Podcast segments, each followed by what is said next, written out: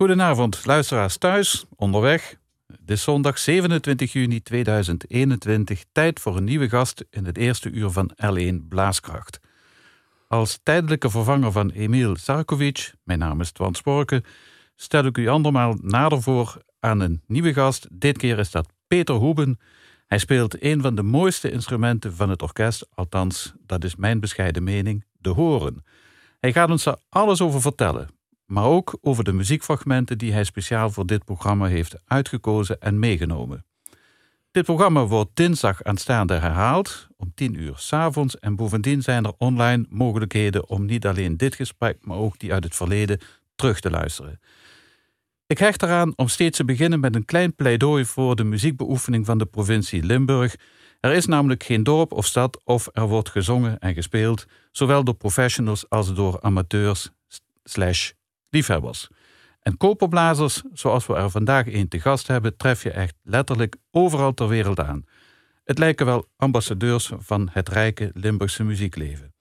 Peter Hoeben, hij is geboren in 1960 in Belveld, is zo'n man, net als vele van zijn collega's bij de harmonie of fanfare begonnen en daarna de vleugels uitgespreid om op diverse podia zijn kunsten te tonen en mensen van te laten genieten. Ik ben blij dat hij vandaag onze gast kan zijn.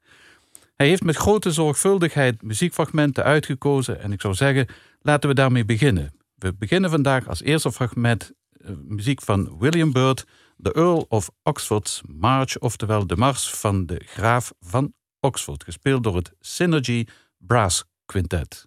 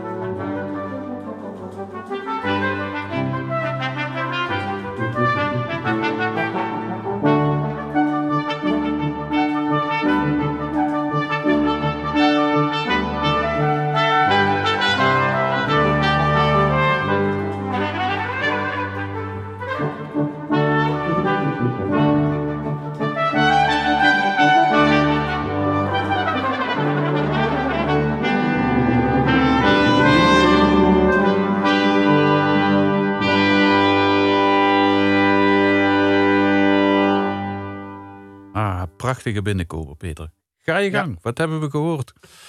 Het was een uh, koperquintet, uh, Synergy Brass. En ze speelden een uh, stuk van William Byrd. William Byrd was natuurlijk 400 jaar geleden, was er nog geen koperquintet, maar een bewerking. En ik vind het erg goed gelukt, die bewerking, en ook hoe ze het spelen. Mm -hmm. En als je goed geluisterd hebt, dan hoor je ook dat die eerste trompetist zo'n problemen met zijn ventielen heeft. Het, het rammelt lekker en het maakt me helemaal niet uit. Het gaat gewoon lekker door. Ik vind het geweldig. Zeg, en we hoorden in zo'n quintet twee trompetten, een trombone, een bastuba en een horen. Is dat standaardbezetting voor een koperquintet? Ja, dat is eh, de standaardbezetting, ja. Nooit Soms wordt, ja, soms wordt de bastuba vervangen door een bastrombone. En dat klinkt misschien ook wel goed in, eh, in, ehm, in oude muziek. Die Ja. wat lichter moet klinken. Als, maar de standaardbezetting is met tuba. Ehm, nou, ik ben er zelf mee in aanmerking, aanraking gekomen met het uh, de eerste dag dat ik eh, in Nijmegen studeerde, toen ben ik s'avonds naar ehm, de, het studentenorkest gegaan. En die waren heel blij dat er een hornist mee kwam doen. En s s'avonds zat ik, eh, om tien uur zat ik in een koperquintet.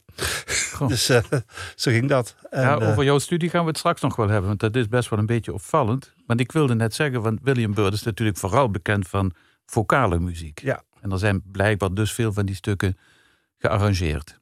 En nou, dit was geen vocaal stuk. Dit is wel een Nee, dat begrijp ik, instrumentaal maar oké. Dus- Zeg, en ja, goed, je zegt, het doet je denken aan het Nijmeegs Koperconsort, waar je deel van uitmaakte, je studententijd dus. En wat ik al zei, je studeerde iets heel anders dan muziek, namelijk wiskunde. Op wiskunde. En op welk moment kwam het besef van een transitie bij jou boven? Wat deed je besluiten om wiskunde in te ruilen voor muziek? op de muziekschool in Tegelen hadden we een hoornkwartet.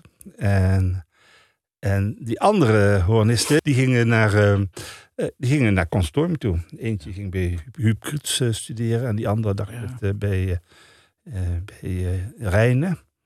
En ehm, ja, maar ik, ik, ja, ik dacht wiskunde. En in, in Nij- Nijmegen had ik dus dat koperquintet. Maar toen kwam er ook na een jaar kwam er een leraar. En dat was Theo Schoonbrood. Oh Die kwam uit, uit Duitsland terug. En, eh, want zijn zoon kwam in de leeftijd dat hij naar school moest en zo. En ehm, nou, het, was, het klikte direct. En toen zei hij van, ik heb eigenlijk nog leerlingen nodig eh, op conservatorium. En eh, heb je zin in de voorbereidende klas te komen spelen? Nou, ik zei, dat, dat wil ik wel doen. Want het was ook puur een financiële kwestie. Want de muziekschool was gewoon 800 gulden of zoiets. En, en conservatorium was maar 44 eh, Ja, en voor een student maakt het natuurlijk uit. Hè? Dus, en ik was daar binnen, de allereerste dag.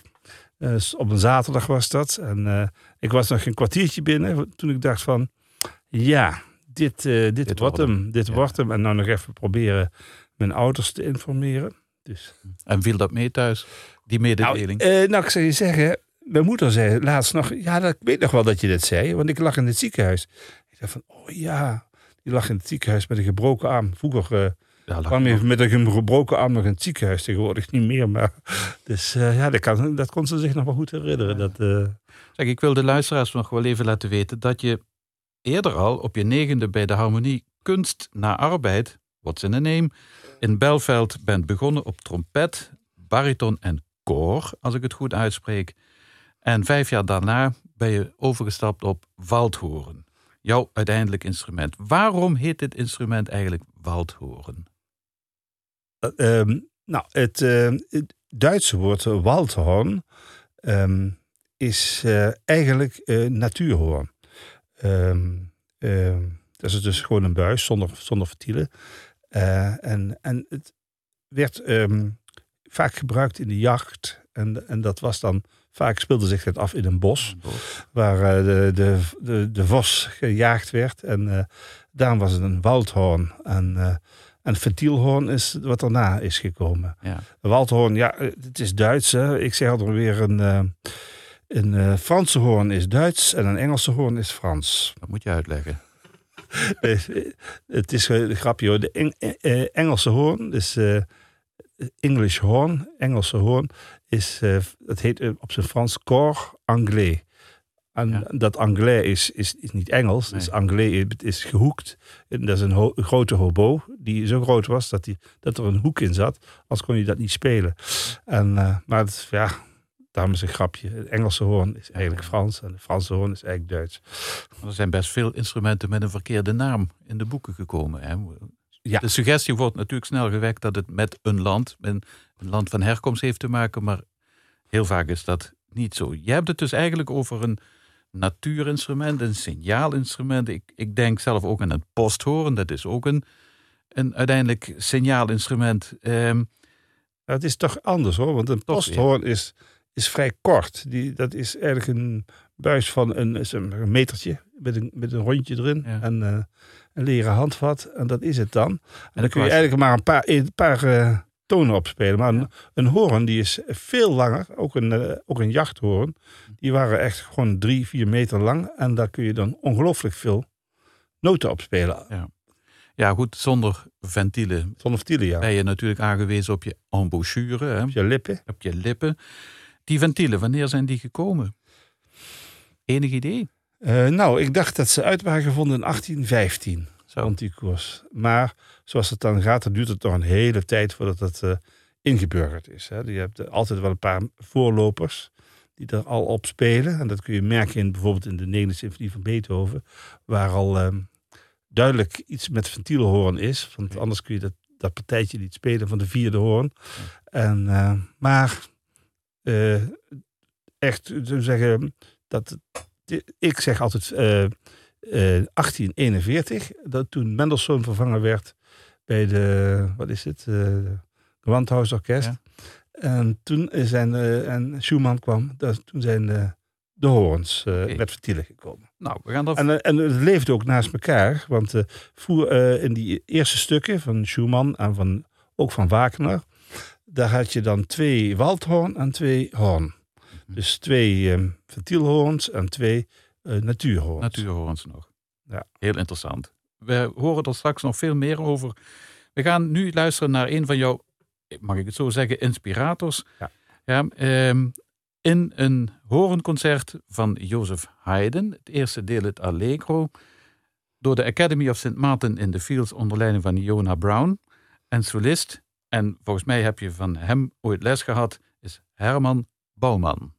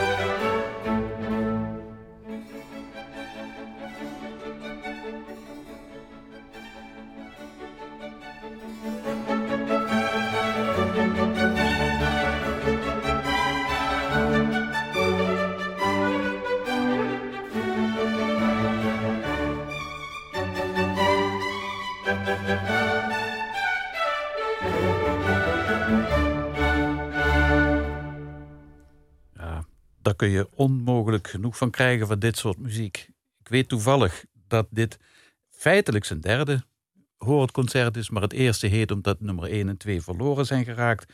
Dat even terzijde. Het is allemaal opgenomen in de gelijknamige kerk St. Maarten in the Fields op Trafalgar Square. Wat een toon heeft die man, Peter? Is dat een kwestie van akoestiek en opname of is dat zijn eigen toon? Nou, in principe is het natuurlijk zijn eigen toon. Uh, Zo'n zo'n hele mooie ruimte helpt natuurlijk enorm. Maar uh, ik, ik vind van hem die, die wijsheid van zijn toon en ook de, de muzikaliteit, die gewoon, die toon die is van, vanzelf spreekt hij. Dat is niet. Uh, ja. dat, is, dat, dat is gewoon een muzikaliteit die er zo uitkomt. Dat ik vind het nog steeds de beste die, ooit, die ooit heeft gespeeld. En daar heb jij les van gehad in Utrecht? Nou, nee, ik heb, ik heb geen les van hem gehad. Ik heb, uh, ik heb al een cursus bij hem gedaan, een keertje. Maar hij was toch verbonden aan het Utrechts Conservatorium, of niet? Nee, nee, nee. Hij, nee. nee hij, hij, gaf les in Essen. Okay. In de Volkwang Hogeschool. Maar dat heb ik niet gestudeerd. En waarom heb je dan uiteindelijk voor Utrecht gekozen en niet voor Maastricht? Ja, omdat, omdat uh, Theo daar uh, les gaf. Theo. Ja. Die gaf daar les. En die, en die heeft mij toen meegenomen uit Nijmegen. En uh, toen, ja, toen was ik in Utrecht ineens. En die Herman Bouwman, is hij nog steeds onder ons? Zeker wel, maar hij dirigeert nou. Dus ja. Okay. ja dus, uh, dat heb jij nooit overwogen, Peter, om te gaan dirigeren? Eén ding is al moeilijk zat, vind ik. ja, daar, daar, daar, kun je geen beter antwoord op geven. Nou, er zijn heel wat, wat muzici, spelers, zangers die uiteindelijk eh, ook instrument ja, ja. aan de kant leggen. Denk Om ja, van Zweden. Ja, maar er zijn ook heel veel goede, goede muzikanten die... Uh, hoe lang heeft Jaap van Zweden niet uh, viool gespeeld en gedirigeerd tegelijkertijd? Okay. Maar op een gegeven moment moet je dan toch, als je het echt goed wil doen, kiezen. Ja. dat zijn ook van die dingen op, op, op verjaardagfeestjes. Dan zeggen altijd, hoeveel instrumenten ken je eigenlijk spelen? Hè? Of, ja. kun je gitaar of zo? Ja, ik zeg altijd, ja, ik vind horen moeilijk zat, dus ik houd maar bij één instrument. En lesgeven, eh, doe je dat ook? Of is dat, excusez le mot, niet jouw ding? Nou, ik heb het een tijd lang gedaan. Als mensen uh, hulp nodig hebben met iets of zo, dan kunnen ze altijd langskomen. Maar het is niet om, om elke week uh, nee. en ook de verantwoording te hebben voor uh, mensen op te leiden. Dus een best, best stevig is dat. -hmm. Nee, ja, ik heb het wel gedaan, maar nu even niet meer. Nee, nee ja, maar goed, je hebt het ook druk genoeg met, met alle eh, invalbeurten en je, je, je baan bij de Philharmonie, waar we het straks nog, nog eventjes over hebben natuurlijk. Ik wil eh, toch nog heel even terug naar de horen. En ik denk dat je ons een groot plezier doet als je eens uitlegt, heel kort, hoe groot is nu de afstand tussen mondstuk en beker? Anders gezegd, hoeveel meter buis? Oh, buis. Ja, het is... Uh je hebt uh, hoorns in diverse stemmingen. En uh, de stemming bepaalt hoe lang zo'n ding is. Mm-hmm. Bijvoorbeeld het beshoorn is 2,72 meter. Dat is twee keer zo lang als een trompet. En uh, de F-hoorn die is 3,75 meter 75 of zoiets. En dan heb je nog allemaal buizen die, die je in kunt duwen. En dan haal je toch wel makkelijk de 5 meter. Dus, en het is handig dat die opgerold is, want dat is ja. ontzettend lastig op de fiets. Hè? op de fiets en op het podium. Hè. Dat, dan blaas je ook sommige mensen van, van hun stoel af natuurlijk. Hè. Maar, uh... Ja, er zijn, we hebben ooit een keertje bij het orkest zo'n um, test gedaan. Dan kregen allemaal op ons hoofd uh, een of andere ontvanger. En dan werd er gekeken waar dan eigenlijk in het orkest de meeste overlast is. En, er, en dan waren lampjes en dan de jongen naast me, Jaap, die had toch wel het lampje continu op rood, ja. dus een pech. Ja. De beste plek om te zitten is trouwens achter de, eh, achteraan bij de eerste violen. Toch? Ja, dat is, dat is verst weg van alles. Ja, klopt. De linkerkant daarachter, linksachter, zeg maar. Ja. Bijzonder. Ja, als je het dan toch daarover hebt, moeten we het straks eventjes over hebben. Over de toon, de, de kracht van de toon met name. Ja, want dat is toch wel, wel, wel boeiend om, om nog eventjes het een en ander van te horen. Wij gaan naar een volgend muziekfragment. En uh, we zullen ook naar de hand zeggen, tot de conclusie kunnen komen waarom je dat stuk hebt gekozen. Ik heb een donkergrijs vermoeden waarom. Uh, We gaan namelijk luisteren naar een fragment uit de zevende symfonie van Anton Bruckner. En om precies te zijn, uit het tweede deel een fragment. En dat is gespeeld door het Radio Philharmonisch Orkest onder leiding van Bernard Haitink. Bruckner, symfonie nummer 7.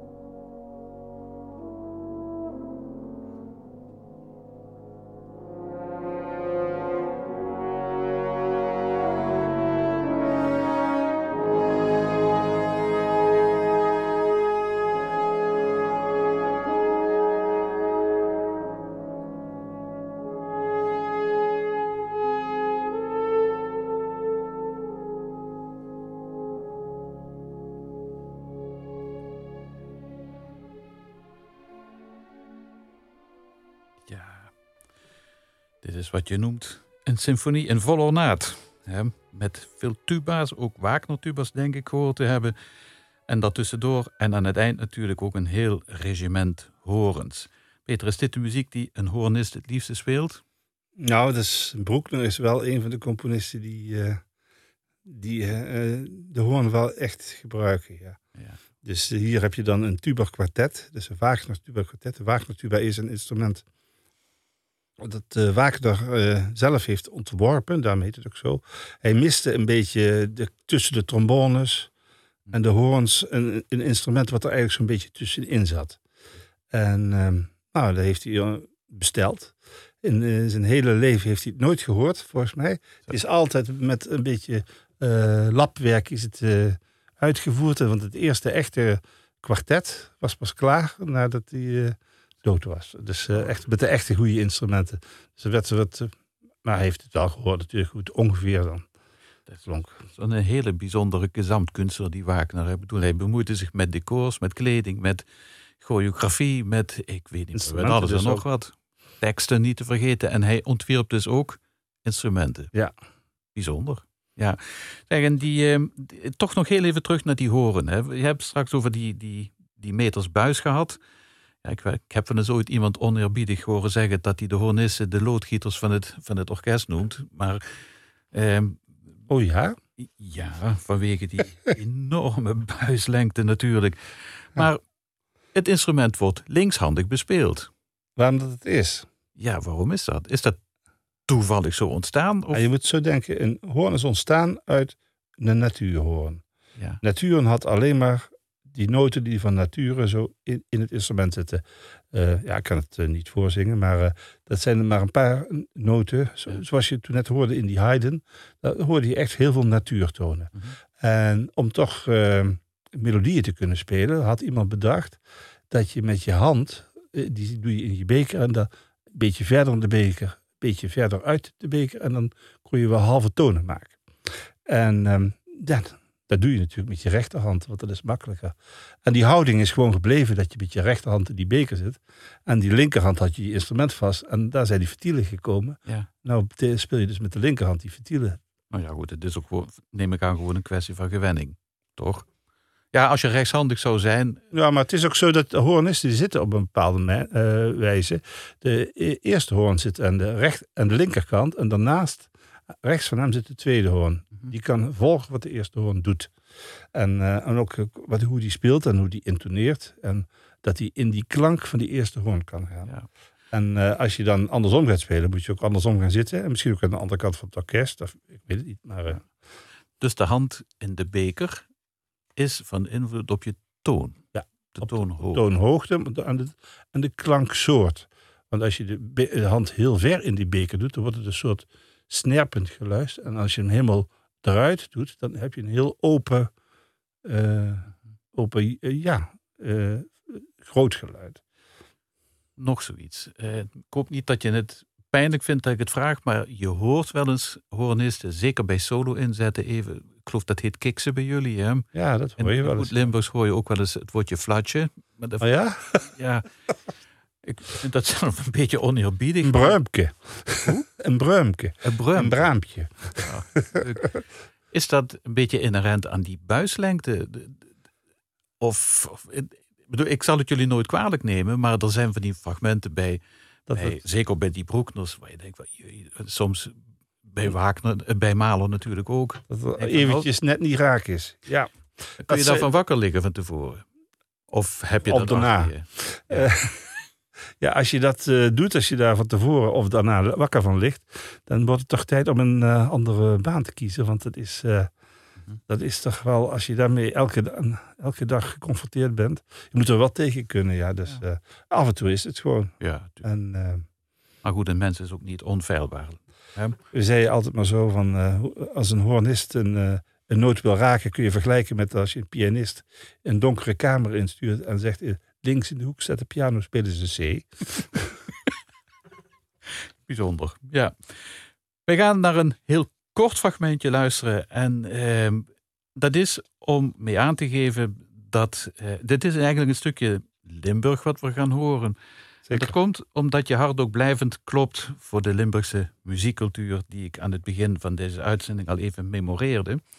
We gaan En- namelijk luisteren En het naar ho- hoge niveau daarvan, dat kun je hieruit horen. Ja. Dat, dat deze club, dus hè, de geiten van Thorn, de, de, de, de, de kerkelijke, Ja. Sint-Michael. En hoe ontzettend goed dat dat klinkt eigenlijk. Ja, dat klinkt als fluweel. We horen namelijk een heel kort fragmentje, luisteraars, uit Tod und Verklärung van Richard Strauss.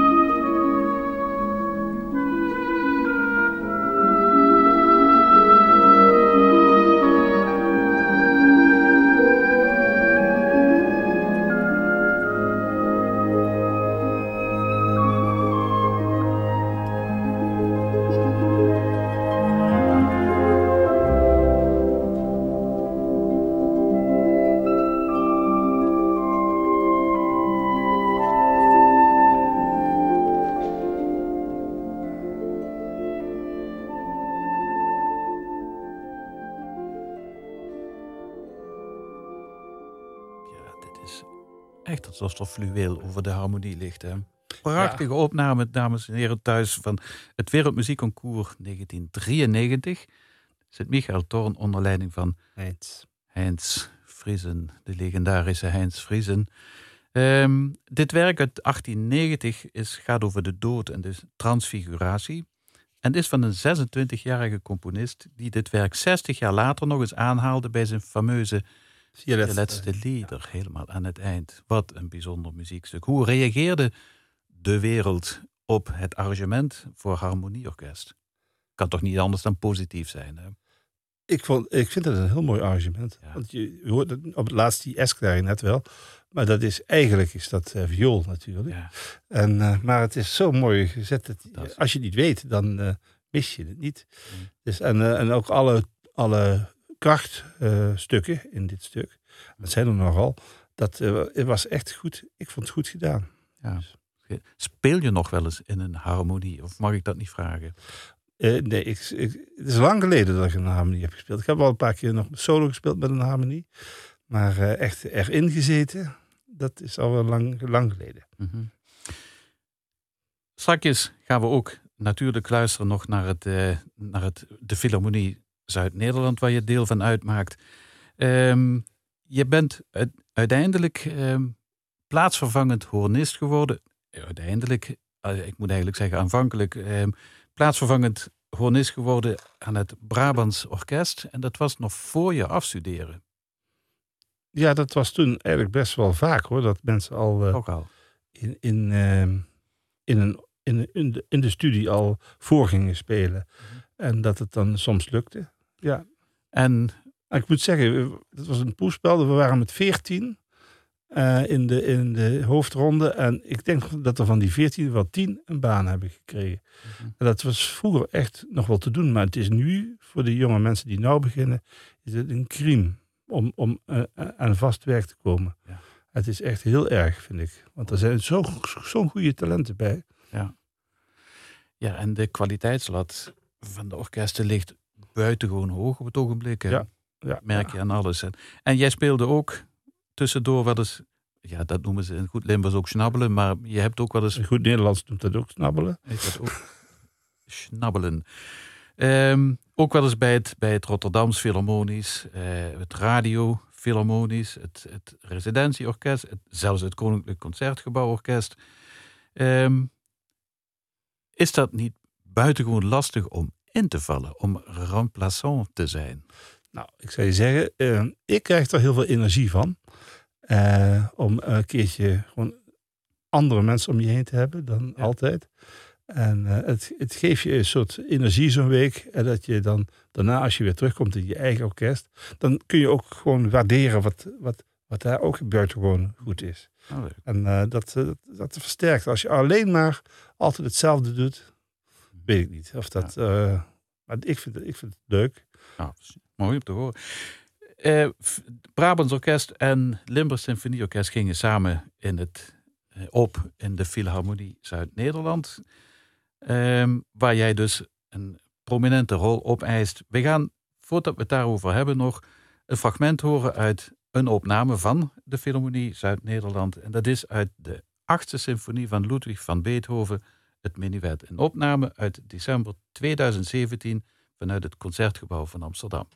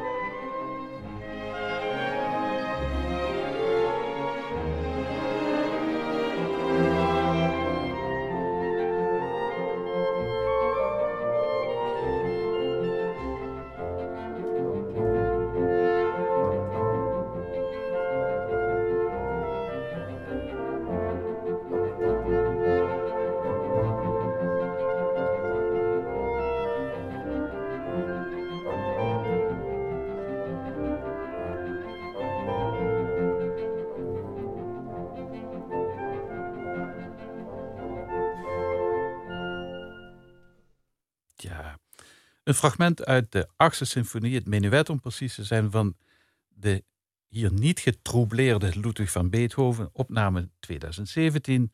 Ik zei al, opgenomen in het Concertgebouw van Amsterdam. Ik ben blij te spreken met iemand die het privilege heeft in die tempel te mogen spelen. Doet het nog iets met je, Peter, om op dat podium te zitten? Het is heel speciaal. Het is, het is, het is ergens een moeilijke zaal, omdat je, het is groot. Dus eh, je hebt, als je daar eh, niet dagelijks speelt, moet je inschatten hoe hard moet ik spelen. En, eh, maar het is, als je in een noot speelt, dat klinkt direct zo mooi daar. Dan heb je het gevoel dat je heel mooi kunt spelen. Ja, dat, ik zeg altijd maar weer, als je hier toch elke dag zou spelen, zou ik niet hoeven te oefenen.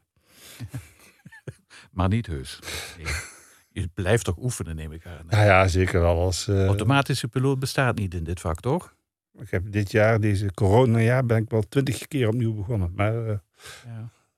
Ja, ja. ja, Peter, die, ja, we hebben het altijd over het serieuze karakter van, van klassieke muziek. Hè. Wordt er in die wereld ook wel eens gelachen? Zijn er speciale anekdotes die je zo te binnen schieten? Van dingen die, die het normale publiek nooit zullen opvallen? Oh, overval je me al wel zeg.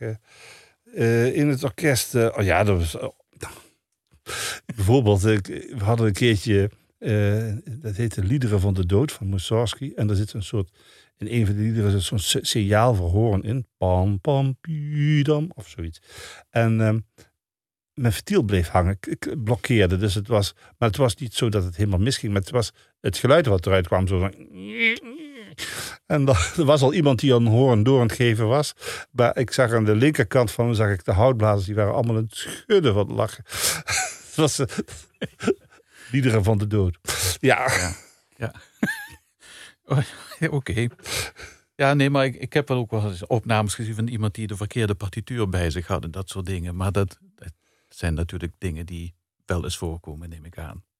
Of een collega die uh, over een solo een, uh, een, zwarte tape heeft geplakt of zo. Ja, dat kan wel eens gebeuren, ja. Leuk. Ja, je, hebt, je, je, je zingt eventjes een heel kort fragmentje daar. Ik vind het wel leuk, want voor mij is dat een bruggetje naar het volgende muziekfragment. Wat ik overigens echt niet heb voelen aankomen. Dat je dat als koperblazer zou gaan meenemen, meenemen naar deze uitzending. We gaan namelijk zo meteen luisteren naar een eerbetoon aan de muziek. Ja, goed, daar kunnen we natuurlijk kiezen uit een miljoen stukken, maar dit is heel bijzonder. En dat wordt gezongen eh, door een man die pijnlijk vroeg aan zijn eind kwam, de Duitse lyrische tenor Frits Wunderlich en de legendarische Hubert Giesen aan de piano. Ik stel voor dat we het eerst eventjes beluisteren en dat je daarom vertelt waarom je dit stuk hebt gekozen. Frans Schubert aan die muziek door Frits Wunderlich.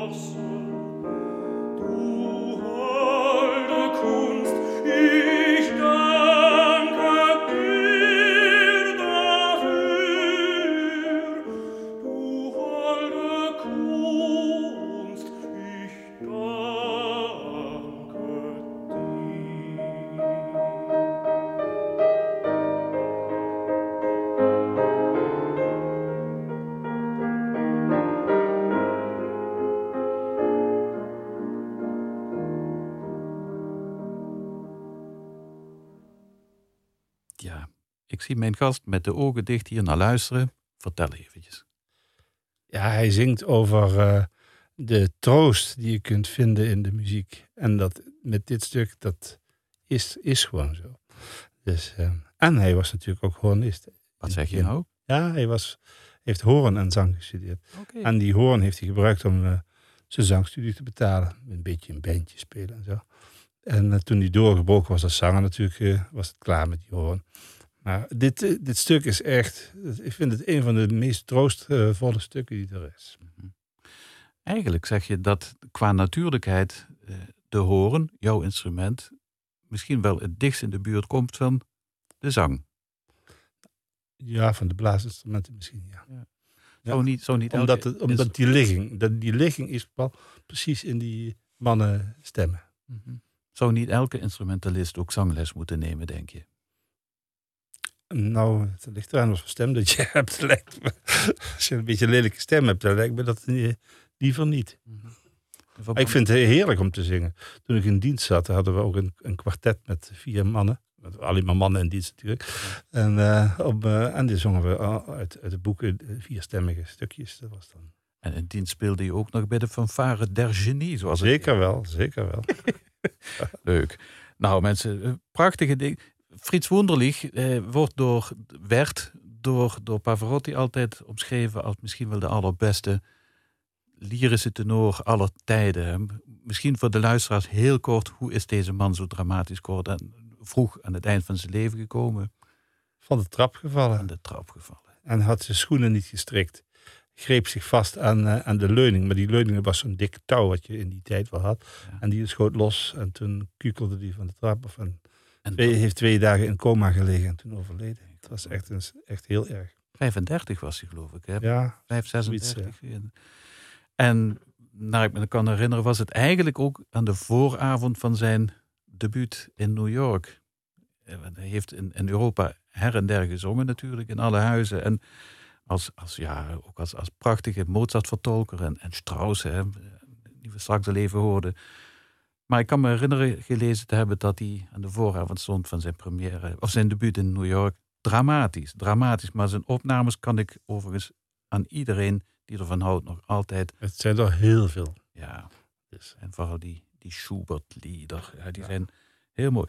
Heel opvallend dat je dat hebt meegenomen. Een gekke vraag nog, eh, voordat we zo meteen tot de afronding gaan komen. Peter, eh, moet je als hornist over extra longinhoud beschikken? ja, dat is handig. Ik weet, ik was een keertje... Ik, was, eh, eh, ik speelde in het orkest en eigenlijk waren, eh, ik kon geen noot van vier tellen meer aanhouden. Ik dacht van, goh, wat is er toch aan de hand? Ben ik oververmoeid of zo? Maar toen bleek ik een longontsteking te hebben. Dus het is wel van, van belang dat je een beetje fit bent in, met je longen. Maar ni- niet iedereen bedoel, eh, het is- gaat er ook om hoe je eh, je lucht gebruikt. Eh, eh, de dosering van lucht. Het hoeft niet allemaal dat het één keer uit je longen allemaal moet komen. Het- je moet het doseren. En eh, als je dat met je keel doseert, dan het gaat ook hoe snel dat die lucht eruit komt, hoe je toonvorming is. En, eh, maar het is wel handig om een beetje grote longen te hebben. Ja. Ja, en, Maar het is niet noodzakelijk. En roken en hoornspelen, dat zal niet samen gaan, denk ik. Nou, drinken en hoornspelen wel, maar roken en hoornspelen zeker niet. Oké. Ja, zo ken ik ze weer. Is toch nog een beetje Limburgs, Limburgs tintje hier in dit antwoord. Ja, drinken wel. roken. Fijn. Ehm, heel bijzonder. Ehm, wij gaan dadelijk afronden met nog een muziekstukje. Ehm, wat je hebt meegenomen. En ik weet dat, dat je daar best verzot op bent. Eh, daar kom ik zo even. Ik ga het zo meteen even noemen. Ik wil vooral eventjes erop wijzen, we hebben ontzettend veel gehoord over de horen en over het spel en over orkest, et cetera. Heel erg dank daarvoor. Ehm, de gast was dus Peter Hoebe, hornist. Ehm, en na afloop van dit programma, van dit uur, kunt u nog gaan luisteren naar opnames in het kader van 75 jaar omroep. En vanavond met opnames van de Limburgse componist, pedagoog, pianist Matti Niel, overleden in 1989. Het laatste stukje, Ella Fitzgerald en Louis Armstrong. Waarom? Nou, heerlijk eh, in de bank. eh, Je was nog niet geboren toen dit werd... eh, toen- ja, maar het betekent niet dat je dat nou niet meer mag luisteren. Dus ik vind het heerlijk. eh, die, die, dat, ook, ook een soort troostgevende muziek. Ik weet het niet. Het is ontspannen in ieder geval. ja. Het is eh, heerlijk en zo'n hele plaat afluisteren. Dankjewel, Peter Hoeben. Wij sluiten af, dames en heren, met Can't We Be Friends, gezongen door Ella Fitzgerald en Louis Armstrong in een opname uit 1956. Dankjewel.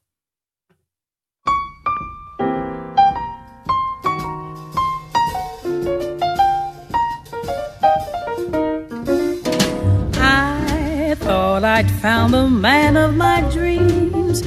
Now it seems this is how the story ends. He's going to turn me down and say, Can't we be friends? I thought for once it couldn't go wrong. Not for long, I can see the way this ends. He's going to turn me down and say, Can't we be friends? Never again. Through with love, through with men, they play their game without shame. And who's to blame? I thought I'd found a man I could trust. What a bust. This is how the story ends.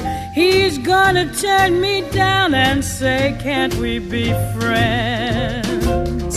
Yes, I thought I knew the wheat from the chaff. What a laugh. This is how the story ends. I let her turn me down. Say, can't we be friends? That day I acted like a kid out of school. What a fool. Now I see this is the end. I let her turn me down. Say, can't we be friends? Oh, why should I care? Though she gave me the air. Why should I cry, have a sigh, and wonder why? Yes, I should have seen the single stop. What a flop. This is how the story ends. She's gonna turn me down. Say, can we be friends?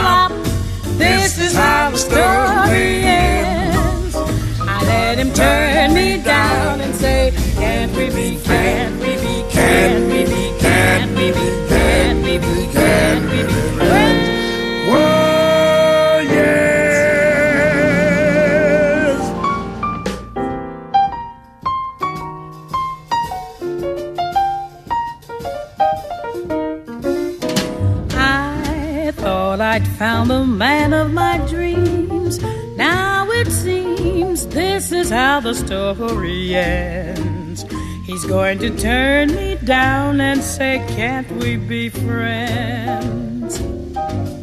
I thought for once it couldn't go wrong. Not for long, I can see the way this ends. He's going to turn me down and say, Can't we be friends? Never again. Through with love,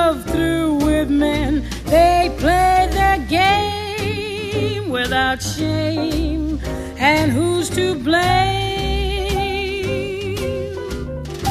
I thought I'd found a man I could trust. What a bust! This is how the story ends.